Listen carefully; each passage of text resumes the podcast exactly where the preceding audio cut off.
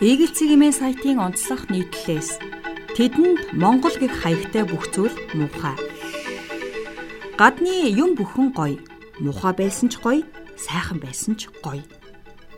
Яг л ийм үзэл бодол төлөвшөлтэй залуусын сүрэг эгний хороогоороо үзэл бодолтоо бат итгэлтэйгээр эгнэн жагсаж байна. Тэдэнд олон таалагддаг гоёын нэг нь гадаадад эзэмссэн боловсрал. Гадны айлч улсад ямар зэргийн сургалт төгсөн хамаагүй. Гадаадад боловсрал эзэмссэн л бол лаг. Монгол улсын сургуулийг төгссөн нэгэн найз маань Япон руу оюутан солилцоогоор явж ирснийхээ дараа ингэж хэлж байсан юм. Найзынхын солилцоогоор очсон сургууль манахаар бол нэг аймгийн коллеж л гэсэн үг. Гэтэл 10 жилийн ангийнхан их сургуулийнхан бүгдээрээ Японд сураад ирсэн гэд сүд болоод ах юм жаахан ичмэрч юм шиг гэж санаашрангу хэлжүүлээ. Бас тэр гаднаас ирсэн оюутнуудад өөрийгөө танилцуулахад Монгол Улсын их сургуулийн оюутан гэдгийг хэллээ. Ангиараа уулга алдаад сүд болсон. Учрыг тодруулахад улсынхаа их сургуульд ирсэн орно гэдэг нь Япон улсын сурагч бүрийн мөрөөдөл юм билээ. Тэр сургуулийн босгыг давж орох нь нэр хүндийн хэрэг байдаг.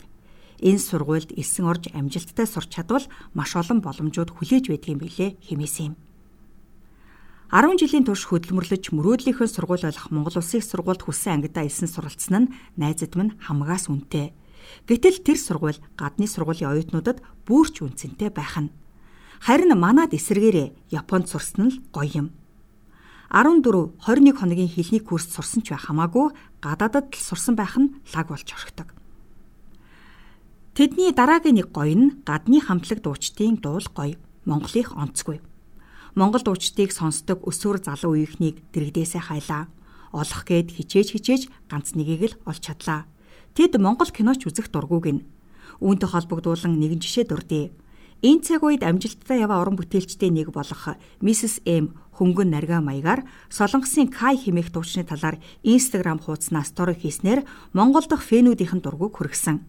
Түүний сторитой холбогдуулан TXT Mongolians хуудаснаа Mrs M гэх хүн саяхан Instagram хаягаараа дамжуулан эрэгтэй хүн ийм хөөрхөн байж болохгүй. Эр хүний шин жалга юу нь байдгийм гэх мэтэр Кай нэр хүндэд халдаж мөн бэлгийн дарамт учруулсан байна. Тэгээд бид Big Hit руу имэйл бичиж явуулахар боллоо.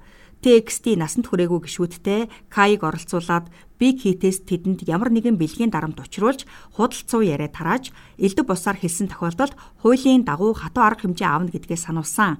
Тиймээс та бүхэн ч бас гадуур энэ тэнд TXT-гийн хувийн эрхэнд халдаж бэлгийн дарамт учруулж худалд сургалт тараасан хүн харвал бидэнд мэдэгдэх юм уу?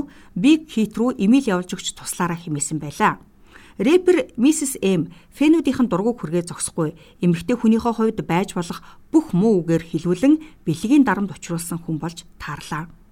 Дээрээс нь түүний энэ үйлдэлийг орчуулан Азийн олон оронд хүргэж K-pop сонсдог фэнүүдийнхэн дунд түүнийг үзен ядах хөдөлгөөн амжилттай өрнүүлв. Залуусын гарт асар их хүч бий нь эндээс харагдана. Гэхдээ тэр хүч нь хэний юуны төлөө хүчтэй байгааг хараад халаглахгүй монгол хүн бий гэж юу? Адилхан ажил эрхэлдэг Монгол гадаад хүний гадаад нь чадвартай мундаг. Монголын эрчүүд соёлгүй, боловсралгүй бүдүүлэг. Тэдний дэргэд гадаад эрчүүд л гоё, боловсралтай, мундаг эмэгтэйчүүд дандаа гадаад нөхөртэй байдаг.